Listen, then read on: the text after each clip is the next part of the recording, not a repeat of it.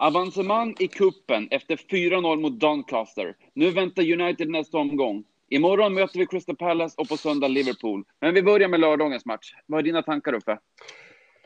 Eh, jag får ju säga eh, att jag har de sista avsnitten har jag ju berömt Mois och eh, här, vi får ju en drömstart mål efter en och en halv minut. Sen spelar vi otroligt säkert och städar av ett, ett lag från de lägre divisionerna på ett sätt som är ytterst sällan West Ham gör. Så jag får återigen säga att eh, Mois är, hans jobb är ju att motivera dem och få dem på tårna även när vi möter lite sämre lag och det lyckades han med och det var enormt stabilt. Jag kommer inte ihåg en, en målchans för Doncaster, ärligt talat, utan eh, vi, vi, vi spelar av matchen och vi låter tre ungdomar komma in och göra A-lagsdebut. Eh, perfekt genomfört från A till Ö. Ja, det är bara att hålla med. Det var, det var riktigt bra gjort. Hur tänker du då, Peter? Ja, det är inte så mycket att, att tillägga egentligen.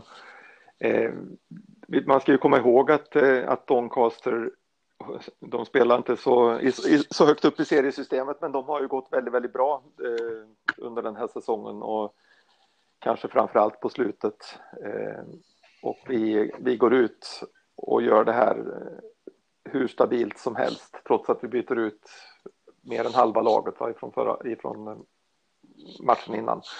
Det är ju en sån, det är ett sånt bananskal som vi så många gånger tidigare har åkt ut på. Det gör vi inte nu och det, det är ytterligare en, en fjäder i Mojs hatt. Ja, verkligen. Ja. verkligen.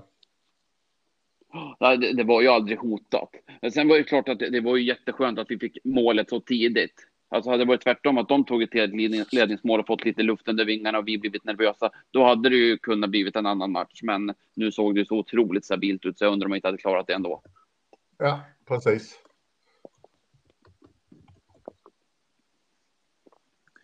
Ja, har vi något mer att säga? Eller ska vi gå in och tänka på nästa omgång kanske? För att det, det är inte så mycket att säga om en, en sån där perfekt genomförd match egentligen. Va? Ja, jag tyckte Zuzek var väldigt bra. Jag tyckte inte Lanzini kom upp i den nivån som jag eh, önskar mig av honom. Det, det var det jag skrev ner eh, under matchen, förutom det jag redan har kommenterat.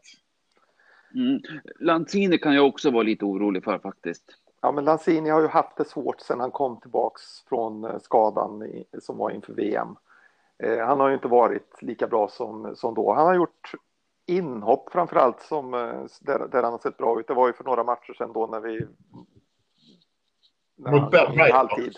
Ja, right. precis. precis. Ja. Och det var, då det såg väldigt, väldigt bra ut från hans sida. Men eh, Ja, tyvärr alltså, för det är ju en spelare som vi skulle behöva få igång. Vi har, vi har inte världens bredaste trupp och han, är väldigt, väldigt, han har väldigt, väldigt mycket potential. Men eh, det är någonting som har tappats eh, efter den här svåra skadan. Man kan ju med ett leende säga att det var ett hyfsat inhopp mot Tottenham också.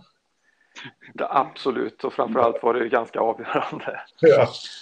Eh, jag tyckte det var intressant att se Eh, Eh, att när jag hade gett upp på, på att, eh, att Jarmolenko skulle få chansen som toppforward så fick han ju det.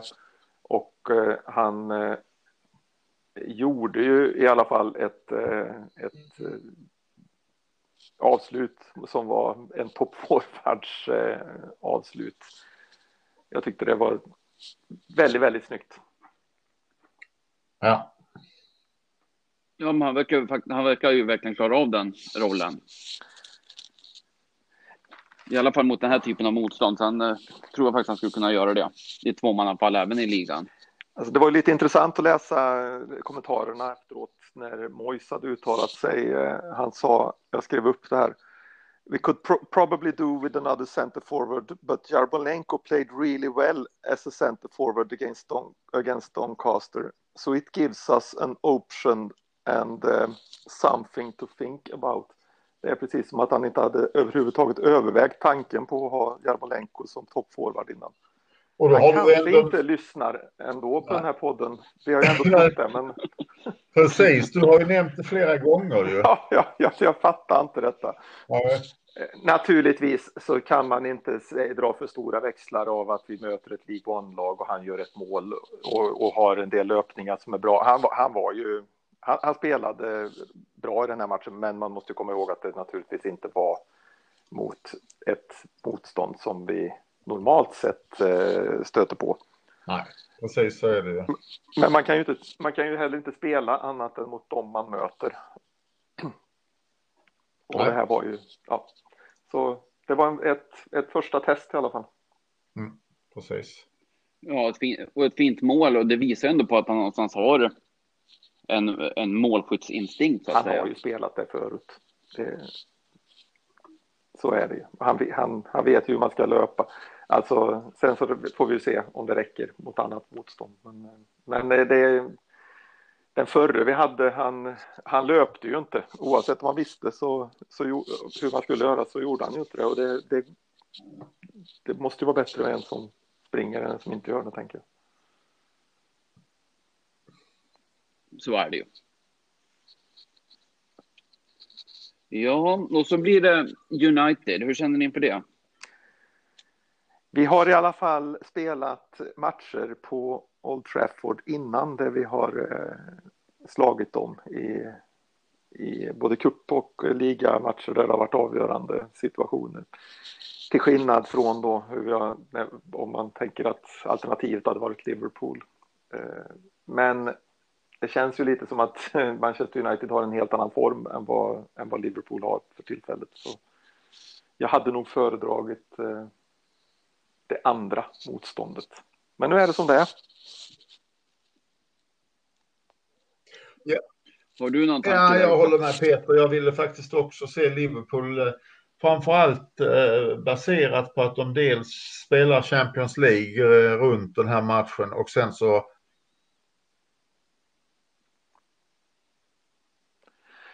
Ja, de har ju ett väldigt, väldigt tufft spelschema där eh, och hade förmodligen haft eh, tankarna på annat just då. Så att eh, det håller jag helt med Uffi också. Mm.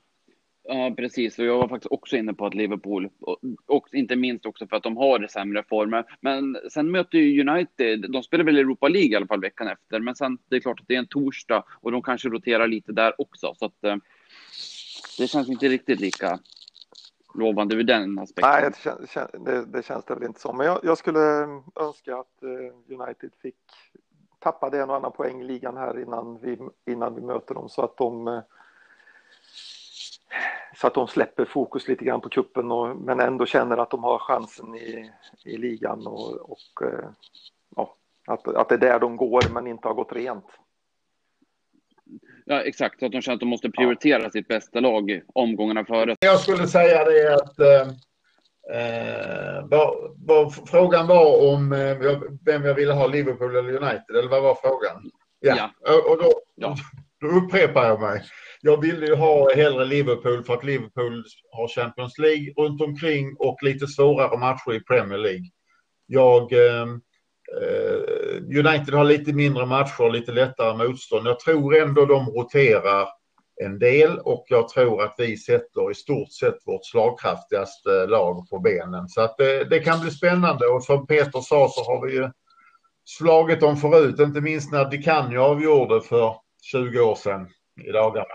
Var det då Bartes stod och vinkade för offside? Innan Bartes. Mm. Precis, så att nej, men vi ger aldrig upp eh, innan, men, men det är klart att det, det är en av de absolut tuffaste lottningarna man, man kan få i, i nästa omgång. Just nu känns det faktiskt som att de är i alla fall ett av ligans formstarkaste lag. Så att möta dem borta känns tufft. Ja, det är de och City som är, är starkast just nu. Ja. Och vi. Ja. Ja vi har ju, vi, vi har, den, den, matchen som Uffe pratar om var ju fantastiskt eh, roligt att se. Man eh, var ju själaglad länge efter. Och det var ju den här matchen som Steve Bruce inte har eh, glömt än. 92 eller något sånt där när vi spelade bort dem ifrån, eh, ifrån ligatiteln i sista omgången. Ja, 1-1. Eh, ja, precis. precis. Matte Holmes gjorde mål och Miklosko var bäst på plan. Mm. hur kan man, eh, hur, hur, kan man spela, hur, hur, kan man kämpa så mycket eh, när man ändå redan åkt ur? Var det inte så det var? Jo, precis. Som, som, som, eh, som Bruce var så irriterad på. Men vi gjorde väl det för Tony Gales skull, för han fick ju ett eh, PL-guld tack vare det. Ja, precis.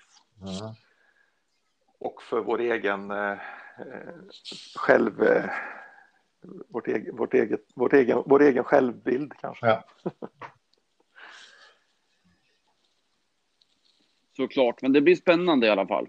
Och vi ska väl absolut inte se oss som slagna på förhand. Nej, verkligen inte. Vi är ju stabila bakåt så att vi, vi, vi går ut och gör en bra match och sen så är det viktigt att vi får in första målet. Precis. Och att om vi får chansen att göra 2-0 också gör det så att vi inte hamnar i samma sitt som senast, att de gör 1-1 och så blir vi lamslagna. Ja, exakt.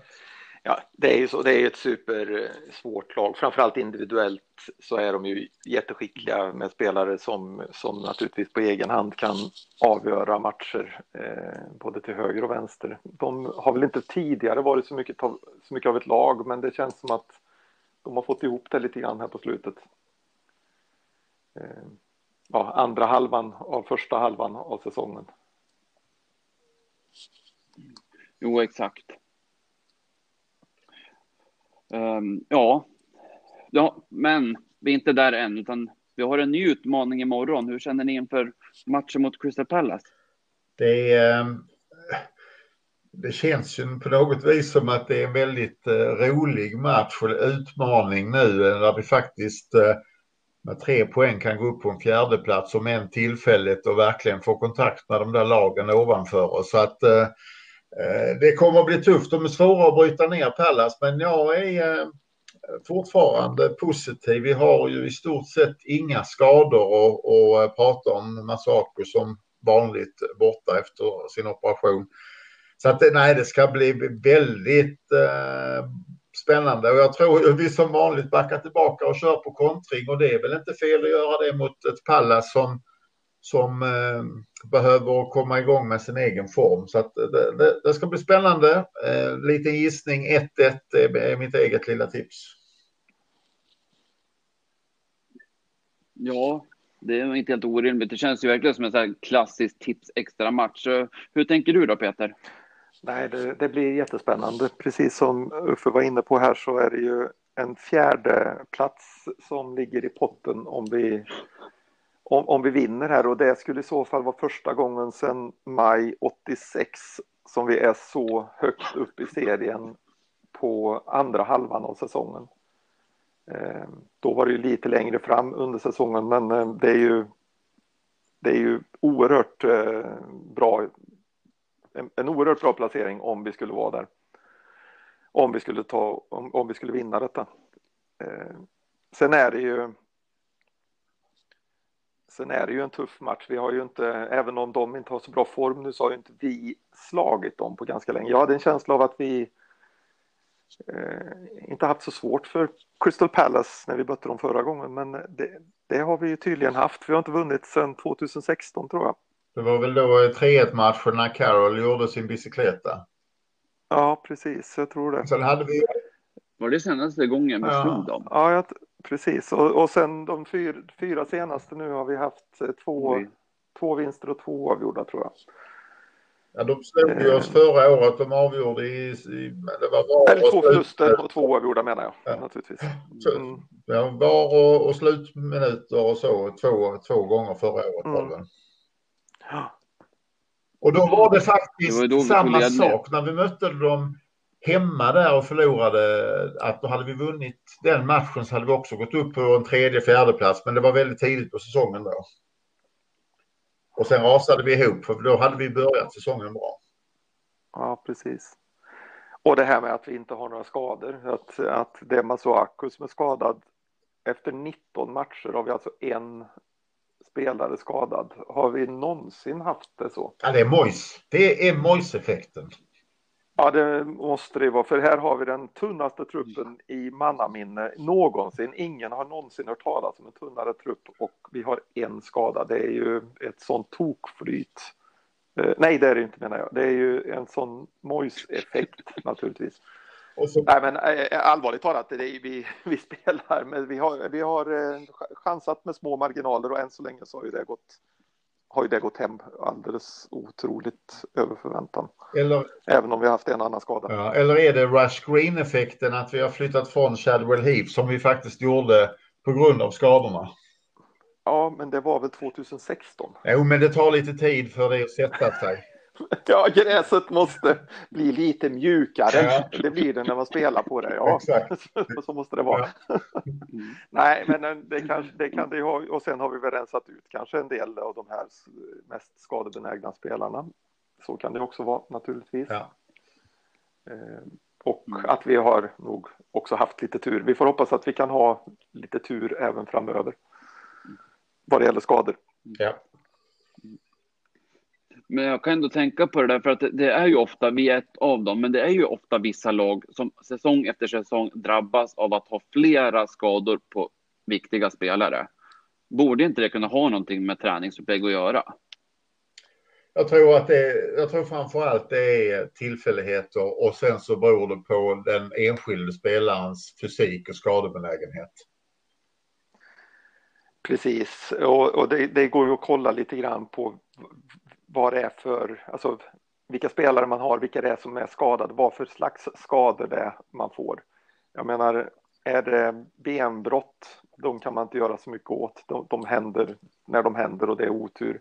Är det en eh, lårets baksida eller vadskada som återupprepas så är det ju sånt som man måste ta, ta med i beräkningen inför säsongen.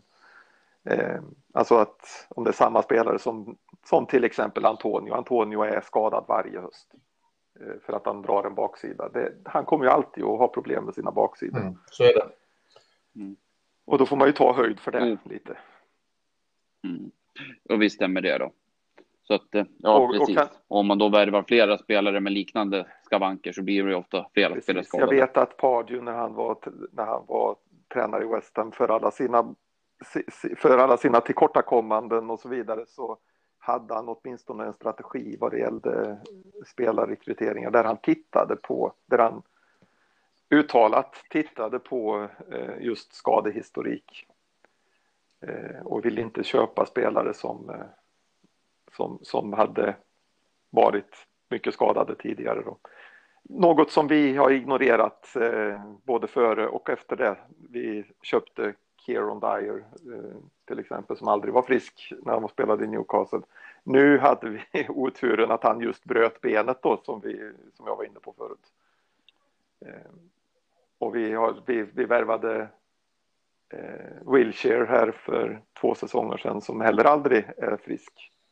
Och det är ju bara, det är bara att vänta sig, det, är bara, det kan man ju bara förvänta sig att de ska fortsätta vara skadade.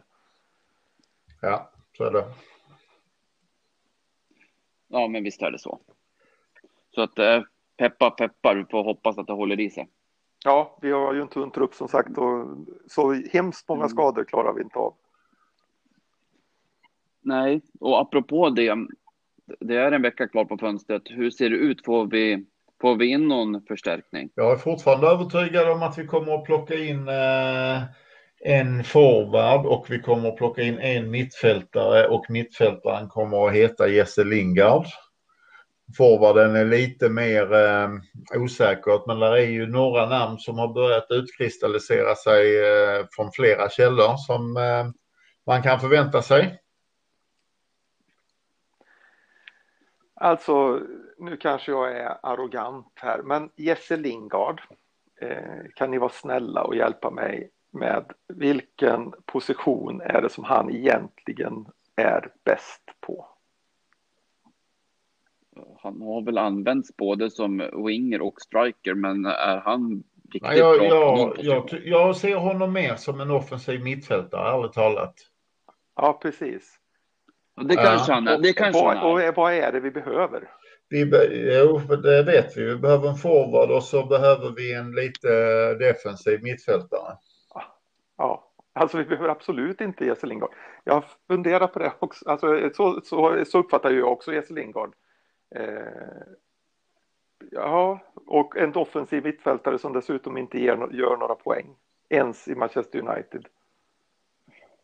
Nu ja. får vi lita på Mois här. ja, det får vi göra. Jo, det, vem vem det ska vi... om till den där defensiva ja. mittfältaren som kan? Justin Lingard. Nej, men, nej, nej, men faktiskt. Det, det är klart att du har rätt i att man ska lita på, lita på um, Mois Uffe. Men jag är faktiskt också på Peters linje. Jag, ja, jag kan ju säga att, att uh, jag har ju aldrig varit någon uh, stor älskare av, av Jesse Lingard, men det är jag ju sällan till motståndares spelare. Men det är ju ingen spelare som jag heller uh, känner att jag vill sätta upp några extra flaggor hemma bara för att vi köper. Sen, sen eh, när jag hälften på skoj och hälften på allvar säger vi får på Moj så i den här omgången så har han ju lyckats väldigt väl i sina köp och dessutom så känner han ju Lingard sen tidigare för han har ju varit manager för honom i, i ett par år tidigare. Så att jag hoppas han vet vad han gör den här gången också så att jag, jag väntar med att eh, klaga tills eh, han har bevisat att det var fel. Men jag hade ju själv köpt in någonting annat som jag hade hittat på Football Manager. Jag, jag tänk... ja, men exakt. Ja, jag, jag, jag, jag, tänker ju framförallt utifrån att okej, okay, här har vi, vi har två stycken uppenbara hål i, i truppen. En som toppforward och en som är eh, en, ett, ett komplement till det defensiva innermittfältet. Och då väljer man att köpa på en tredje position som, som man egentligen inte har något hål på. Den enda position där, där vi har alternativ. Eh, jag ser inte att eh, Alltså, jag, ser, jag ser det inte som speciellt konstigt att vi varken ryktas till honom eller att eh, just med, med tanke på kopplingen med eh, David Moyes och eh, att han tidigare varit i Manchester United och sådär och Jesse Lingards kontrakt som går ut och problem att få speltid och så vidare och så vidare. Men en, när vi ska köpa två spelare max och det blir på en tredje position, där har jag lite svårt att eh, i sommar, ja visst, fine. Vi ska kanske köpa några fler spelare, men nu hade jag gärna sett att man hade satsat på de positioner vi behöver folk på. Jag tror att, att Lingard, Men hur jag tror att Lingard är, är aktuell också. Dels som jag säger att Mois känner honom och känner till honom, men även för att vi förmodligen får honom till ett eh, väldigt bra pris. Får vi honom till en bra lön också tror han behöver gå ner lite för, skulle jag gissa. Absolut. Absolut. Men han, i, i dagsläget är han ju inte ens med i, i truppen där. Han var väl inte inskriven Nej. bland de 22 vad jag hörde. Så att han, han vill ju också komma ut och spela fotboll. Jag gissar eh, och, och, du tänker att vi köper honom nu så, så att inget eh, nej, vi har ju inte någon låneplats kvar så det borde vi göra. Då. Ja. Men eh, då innebär ju det att eh, då tänker jag att Mois helt enkelt bestämmer sig för att jag, jag chansar på att, eh, att våra två plus Nobel på mittfältet klarar sig säsongen ut. Ja. Och så gör vi den här värvningen istället som en, som en, ins, en, en, satsning för att det ska bli ännu bättre nästa år. Mm. Jag, jag tror ja, att man... Han får ju bevisa sig. Ja. Mm. Men hur användes Lingard under Mois under United-tiden? Kommer ja, ni ihåg det? Det är väl det vi var inne på tidigare. Jag har väl sett honom som en, eh, som en offensiv mittfältare i mitten oftast. Och sen har han spelat ja, var... kanten någon gång också var inte, var inte Mois period i, i United eh, Lingards eh, eh, heydays, alltså var inte det hans, var inte då han var som eh, mest eh, använd och gjorde sina bästa insatser? Jo, jo och såg lite ung och lovande Nej. så att säga, sen blev det inte så mycket mer. Men frågan är, det, det är möjligt, Mois kanske kan, kanske kan få ordning på pojken. Det, det är ingen gladare än jag. Jag vill väl någonstans att alla spelare vi värvar ska lyckas. Alltså det är inget snack om att det, det vore ju kul om han lyckas. Det är bara det att jag känner mig lite skeptisk. Jag med. Jag tror att vi, jag tror, och det är ju för också. Ja, ja, ja det, det, det ska jag vara ärlig och, och säga, absolut. Sen som sagt, som du också var inne på, så har ju de värvningar han har gjort här i sin andra sejour eh, varit, eh, varit rätt lyckade, det får man ju ge honom. Eh, det har ju inte varit någon Jewel eh, i den här omgången. Det har inte varit någon, vad heter han då, som man eh, plockade in eh, också gamla United-spelaren, den gamle för, första omgången som han kom. Kommer ni ihåg Nej. det? Han som man plockade in på free transfer. Var spelar han? Han spelade i United innan och så Ja, hade han varit borta ett tag och så, ja, ytter, eh, ytterback kanske? Ja, ja. Utlänning. Ja, Ja. Var det Evra? Ja, det var det. Nej. Ja, det var inte Nej, mycket. det- alltså då hade han ju lite sämre utdelning på sina, på sina värvningar. Men den här gången har det ju varit, eh, det senaste året har det varit klockrent. Ja. Ja, så att, nej, vi får väl lita på honom enkelt. då är forward mer intressant. Ja, där är det väl tre namn som har utkristalliserat sig lite mer. Den ena är ju gamle City-spelaren och numera i Italien eh, Zeko. Som eh, har blivit eh, erbjuden till West Ham de sista dagarna. Sen så har vi ju eh, även den, den eh, som många är sugna på, eh, Oddson Eduard från eh, Celtic. Eh, som kanske är den troligaste att vi köper i så fall om vi köper någonting. Och sen så har vi ju ifrån eh, RB Leipzig eh, He-Chan Wang. Som faktiskt är lite roligt för just den spelaren har följt sedan han var 16 år och haft en enorm koll på i de klubbar han har spelat i. Och nu ljög jag, för jag har aldrig hört talas om karln tidigare. Jag blev nästan lite orolig där. Vad fan har du följt honom för, tänkte jag och vad Nej, men han, han, jag har ju läst på. Han, han slog ju igenom i RB Salzburg där han eh, gjorde 45 mål på 126 matcher mellan 2015 och 2020. Och sen var han, eh, eh, var han faktiskt ute på lån. Och sen så förra året så gjorde han eh, 16 mål på 40 matcher i Salzburg. Eh, ja, i Salzburg. Och nu är han då eh, i, i, i Leipzig men har inte fått spela någonting eh, och inte kommit in i laget. Så att eh, som sagt, jag vet ingenting om honom mer än det jag sa. Men, men det är nog det allra hetaste namnet nu som verkar eh, troligt. Mm. Jag ska inte säga att jag känner till någon. Ja, det ska jag väl göra. Djeko har jag ju sett en del naturligtvis. Jag har också läst om lite grann om han är från Celtic och han är från Red Bull. Men eh, de, de har jag ju aldrig, aldrig sett. Nej, det är samma här. Ja, jag har ingen relation till någon av dem och Dzeko hade jag väl velat ha för en 5-10 år sedan. Han, Men han, han vet väl var bra målet finns fortfarande. var det, va? Ja. Eller om det var året innan. Men han, ja, det var inte så länge sedan i alla fall som han gjorde bra ifrån sig. Men, eh, och ry- ryktades hit då också Precis. eh, under Pellegrini. Ja. Nej, det, det, det viktiga eftersom Mm. vi har svårt att uttala oss som spelare vi aldrig har, eh, har sett spela och, och mer än vad man har läst. Och man, vissa är överlyckliga och vissa säger nej inte den, det är det sämsta vi kan köpa. Så, så eh, tycker jag det viktigaste är att vi får in någonting så vi faktiskt har lite backup till, eh, till Antonio. Det, det behövs.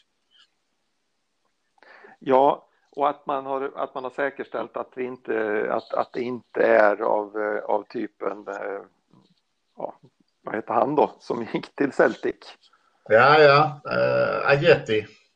Ajeti, ja. Alltså att det, det måste ju vara någon som har fötterna för att spela i Premier League, alltså som, som klarar av tempot. Ja. Och så det får man ju verkligen hoppas att man har scoutat att, att, eh, att, att det räcker till. För eh, vi kan inte ha en sån eh, dykarskoskille igen. Mm. Nej. Nej, visst är det så. Eh, är snacket Inte om helt, King men, eh, eh, helt borta nu eller? Nästan. Det, blir det King så skulle jag säga att då blir det sista dagen med en timme kvar av transferfönstret för att vi inte har fått in någonting annat. Och för att då vi är desperata och Mm. även Bournemouth är desperata för att det är deras sista, sista chans att faktiskt på, få pengar eh, för honom. Och då tror jag han kan gå hyfsat billigt med eh, transfersumman uppbyggd kring eh, avbetalningar som ju Sullivan är glad för.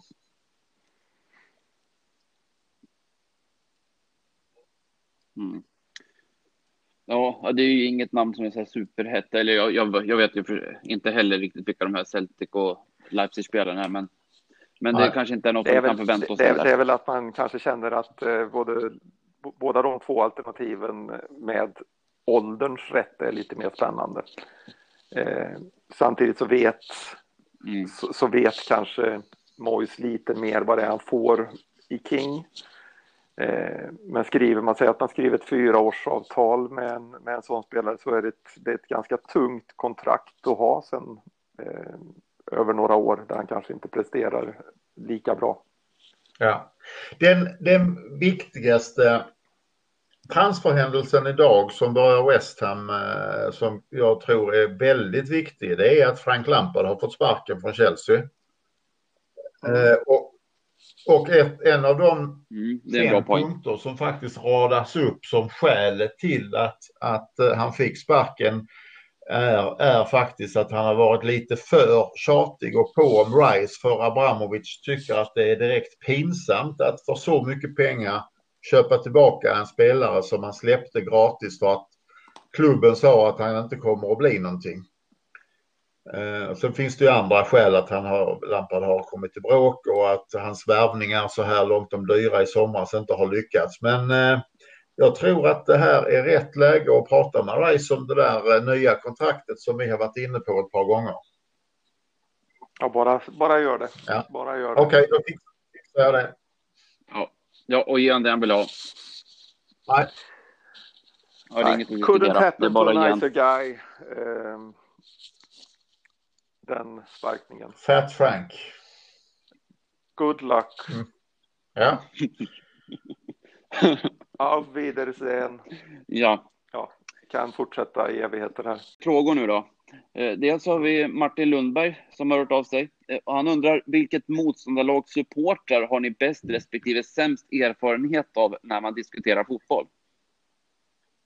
här kan vi snacka om att generalisera. Ja, verkligen. Det kan vi säga direkt att det, det finns ju såklart. Alltså individuellt sett så finns det väl bra i alla läger. Jag får nog säga att jag kan inte, jag, jag kan, jag har väldigt svårt att, att säga att det är någon särskild klubb som sticker ut på ena eller andra viset. Men det är klart att, att det finns väl emellanåt en liten kanske översittarattityd från eh, United och Liverpool-supportrar. Men eh, annars så tycker jag det fungerar med dem också. Jag har faktiskt eh, ganska högt i tak och kan nog vara rätt bra på att busa med dem också. Så att eh, jag, jag vill inte uttala mig att det är någon jag tycker är mycket sämre än någon annan eller, bättre. Alltså det där handlar ju väldigt mycket om eh, vilka man har i sin omgivning och sådär. Då- Och vad det gäller kompisar så blir det ju så, så tycker jag inte att, eh, att jag har några som jag har speciellt mycket problem med. Men om man tänker från den tiden som man hängde på svenska fans mer och på forumen där och diskuterade med, med folk som, som kanske var eh, som man kanske inte kände men som, eh, som ändå ja, som man höll igång en, ett prat med eller sådär. Så rent generellt så är, ju, så, så är det ju värre med de större lagens eller de som har fler supportrar och framförallt om de har flera unga supportrar.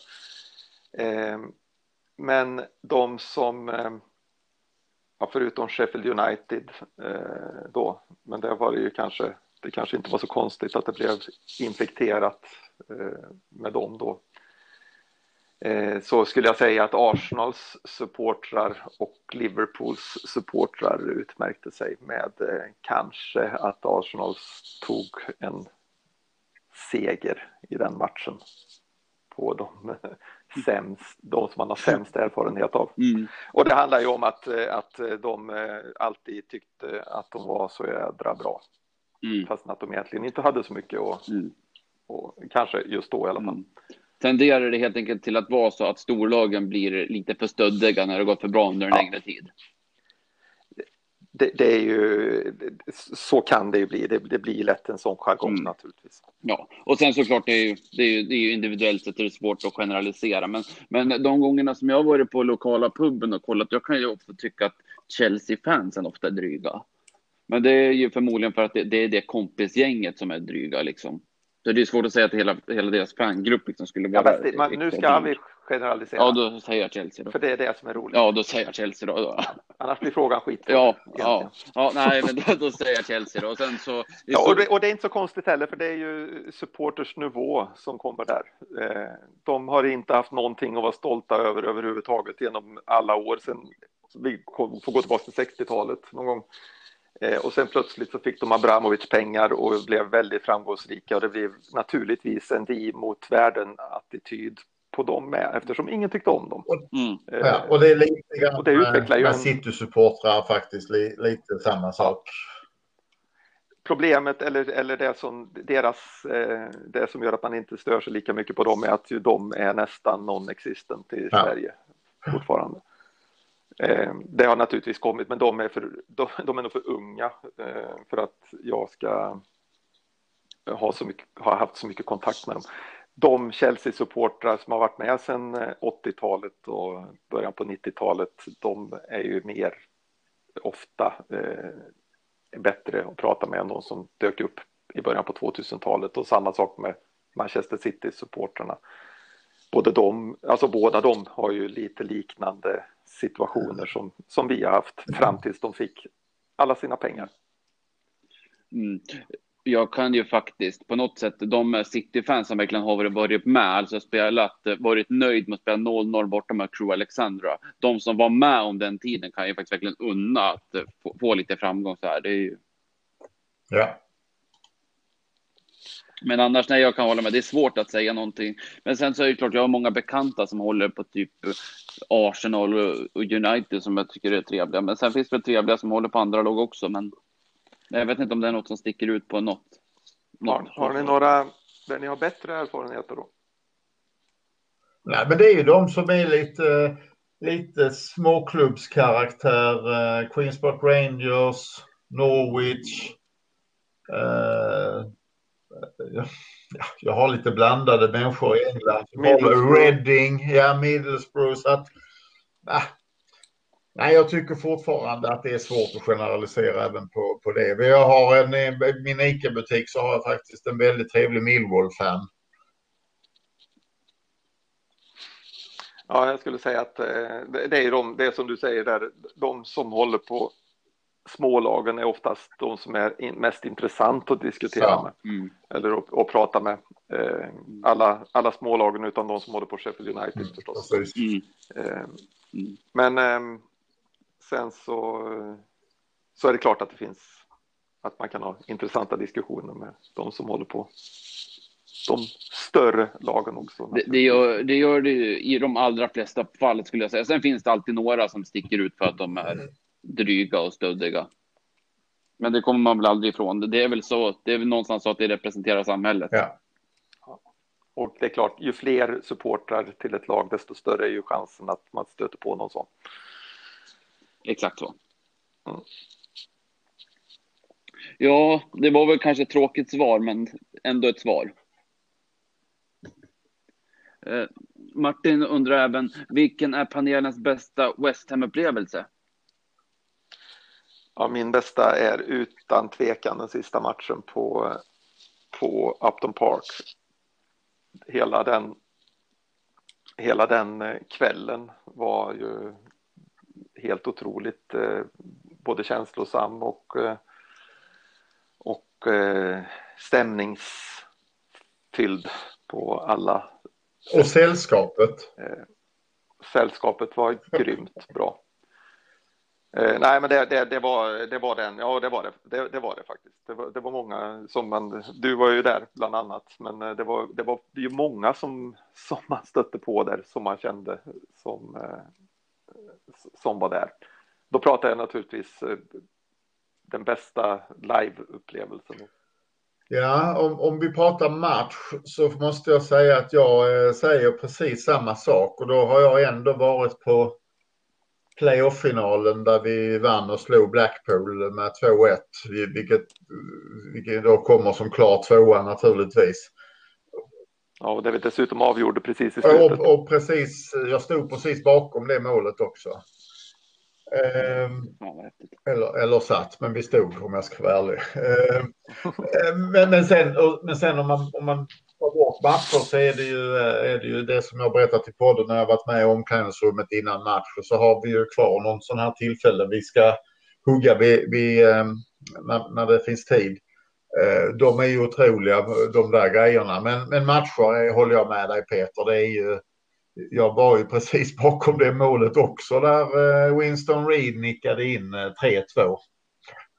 Men nej, det var, det var ju det var som en, som en saga. Det var som någon hade skrivit ett manuskript den, den dagen. Och sen, sen tyckte jag ju det var väldigt häftigt sättet som man avslutade när man släckte ljuset i hela arenan och, och man låtsades att det var Bobby Moore som kom in och, och drog ner knappen eller spaken eller vad det heter.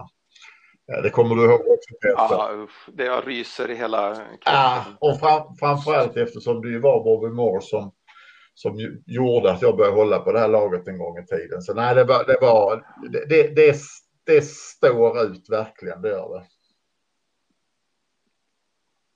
Ja, det förstår jag. Hur fan det kan vara stort. Det var ju stort att bara sitta hemma och se det.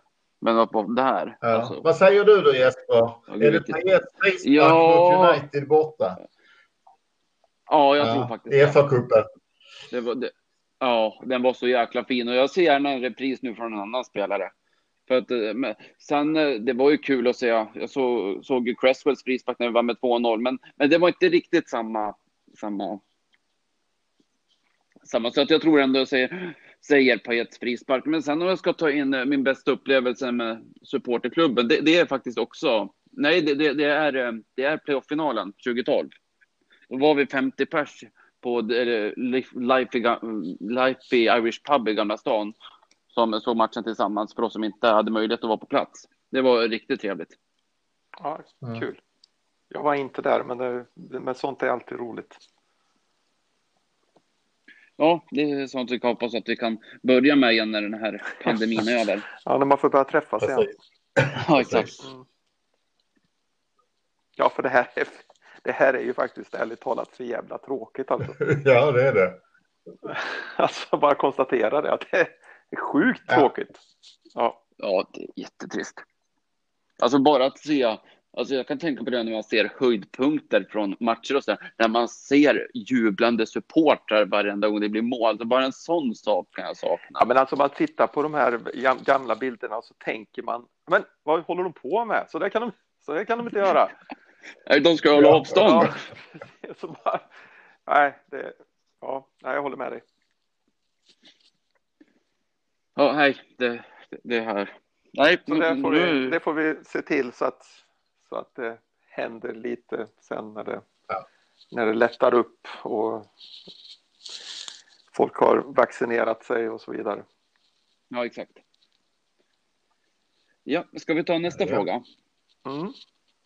Om vi nu är med i FA-cupen och att vi förhoppningsvis kommer ännu längre där och att vi är med och slåss om Europa League-platserna. Räcker det då med Zuzek, Rice och Noble till innermittfältet? Kommer det att orka spela så mycket som krävs med den kvalitet som behövs utan att vila? Eller behöver vi låna in en defensiv mittfältare? Peter tycker att det räcker, det är jag helt säker på.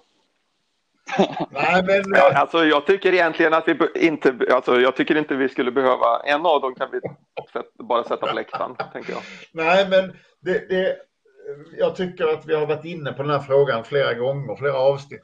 Men jag, det, det, som ändå någonstans eh, tar i trä är ju att Rice spelade varenda minut i varenda match förra året och han har gjort samma sak i år. i ligan. Mm. Och jag tror att krävs det så går han in och spelar en FA-cupmatch också. Eh, Zuzek gick ju in och spelade FA-cupen här och jag tyckte han var vår bästa spelare. Ehm, så att, att vi har just de bägge i, som är så unga och är så bra gör nog att, gör att så länge vi inte får en skada så tror jag faktiskt att de två löser det. Men det är ju just det, om de klarar av att spela eh, utan att bli skadade som, som är min stora farhåga. Jag, naturligtvis så är det ju så att eh, Rice har ju bevisligen väldigt, väldigt bra gener i det här fallet. Han blir, verkar ju inte bli skadad, men, men en smäll får man så lätt. Eh, och ja, jag är lite orolig för att chansa ja. på det. Sen så tror jag nog att de, att de klarar av själva den fysiska ansträngningen. Alltså, man har sett, man sett, man sett i några matcher att de har varit lite läggy, eller vad man nu ska säga. I höstas såg man det några gånger där det blev lite sämre leverans. Kändes som att de var lite trötta, eh, men sen i matchen efter så var de ju tillbaks på sin eh, höga nivå igen.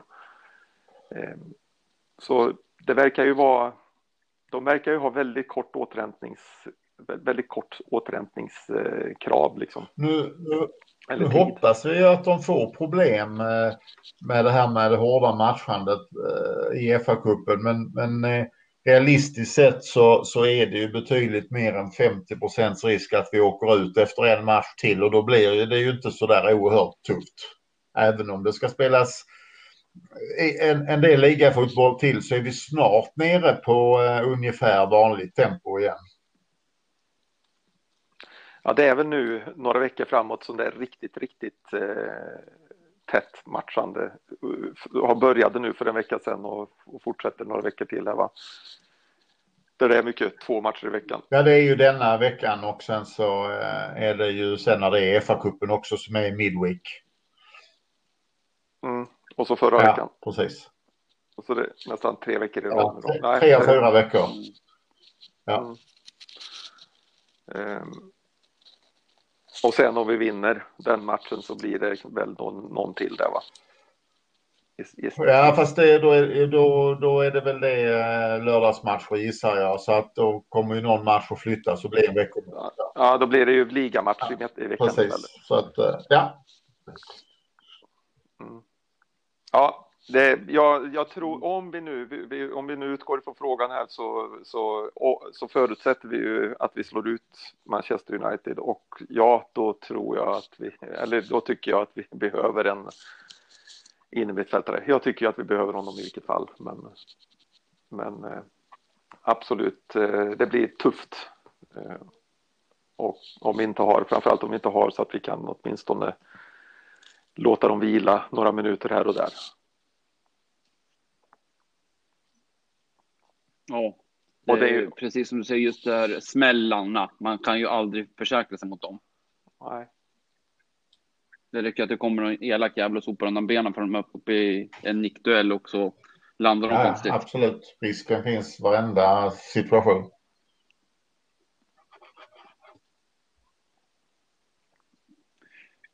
Men eh, ryktas det om någon? Uh, Nej, det var ju Lingard. Ja, Ja, jo. Ja, ja, det, var ju den där, det var ju den där männen som var uppe, men han har, han har eh, tonats ner eh, sista, eh, sista veckan här. Och så var det ju han Kral, eller vad han hette, från Tjeckien som spelar i Ryssland. Ja, okej, okay, den har jag missat helt. Den har inte dykt, som det också dykt upp i mina källor.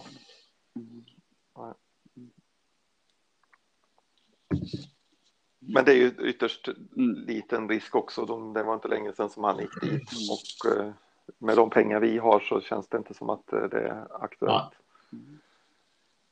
Eh, men och sen är det ju så om man går tillbaks och tittar om vi om det ska gå tillbaks till det här med transferfönstret och, och om vi ska ha några större förhoppningar om att bli backade.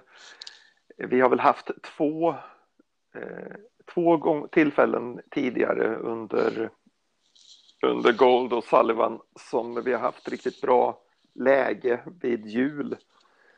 Och den ena är ju säsongen när vi för det är väl två olika tillfällen. Va? Den, den säsongen som vi hade eh, när vi spelade sista säsongen på Upton Park och sen så är det ju den säsongen när eh, Song spelade inne mittfältare. Var inte det någon säsong tidigare? Var det under Allardyce det eller? Ja. 14-15 ja, va? Eh, då låg vi ju också 3-4 någonstans där eh, efter 17 omgångar eller något sånt. Eh, och ingen av gångerna har vi väl egentligen blivit backade. Utan man har nöjt sig med det, med det lag som man har haft i princip. Så jag tror ju inte att vi ska ha för stora förhoppningar eh. Även om vi får in den här forwarden. Nej, jag tror aldrig att det blir mer än max två spelare och skulle det vara så att vi köper den här Eduardo då från Celtic då kostar han så mycket pengar så då har vi inte mer att handla för det här fönstret utan problem. Mm. Mm. Mm. Och då har de i så fall Men för att svara... Eh, backat oss betydligt mer än vad de har gjort någon gång tidigare. Ja, förutom förra året då när vi höll på att åka ur. Men det är ju, då, det är ju den, mm. det är ju så det har varit eh, tidigare. Det är ju när vi har riskerat eh, neråt som de har eh, pytsat lite. Inte när vi har haft chansen att göra något uppåt. Ja, precis. Mm. Mm. Det är ju lite märkligt för skulle de göra det så skulle kanske chansen öka att inte hamna där nere igen. Ja, framförallt så känner man ju att eh, alltså, vi har ju två vi har ju två gubbar som äger oss. Den ena är 72 nästa månad och den andra är väl 80, 84 eller något sånt där. Eh, det är ju inte som att de har hela, ja det hela livet har de ju framför sig men eh, de har ju inte kanske så många år kvar om de nu vill om de nu är här för att de vill tycka att det här är roligt och se lite framgång och så så är det ju så, så, känns det som att sanden börjar rinna ut eh, lite grann. Å andra sidan är de helt bakbundna, det finns inga pengar överhuvudtaget så är, ju, är det ju som det är. Då. då kan de inte göra något även om de skulle vilja. Men de har varit där i tio år nu. Mm.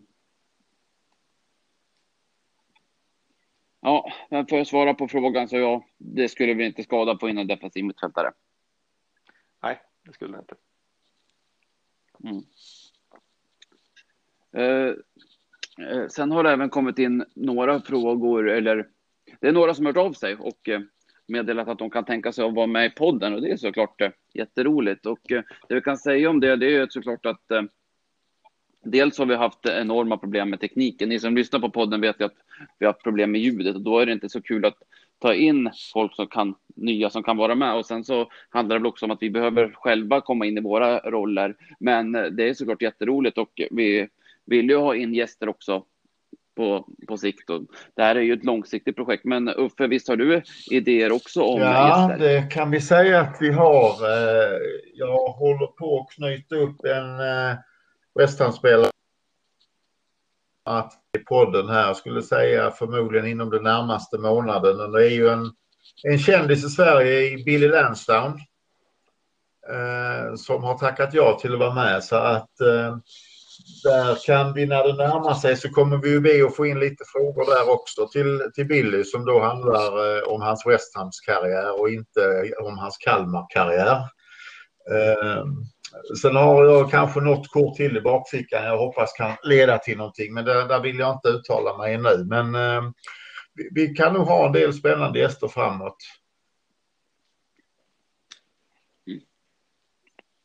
Ja, det ser vi fram emot. Um, har vi något mer att säga? Nej, inte annat än att eh, det ska bli väldigt, väldigt spännande att se matchen imorgon. Eh, jag ser fram eh, mycket mot det. Ja, Ja, det brukar faktiskt vara roliga matcher mot Crystal Palace. Ja, det har det. Och, eh, ja, det brukar det, det, brukar det, det har det. Det, bruk, det brukar det vara. Eh, ja, det, det, är ofta, ofta underhållande. Sen är det ofta lite frustrerande med för att jag tycker att de eh, brukar alltid se till att få några straffar mot, eller med sig. Och den här säsongen har de inte fått så många så att eh, de är väl de ligger väl ett par back där. Så det får vi hoppas att de inte kommer imorgon. Jag tror att eh, maskinen West Ham kommer fram imorgon igen och att det inte blir någon särskilt underhållande match ur det perspektivet. Så kan det bli. Och ärligt talat bryr jag mig inte så länge vi vinner. Ja, ska vi låta det bli slutordet på den här veckan då? Då säger vi come on Giants and we will forever be blowing bubbles. Tack för idag.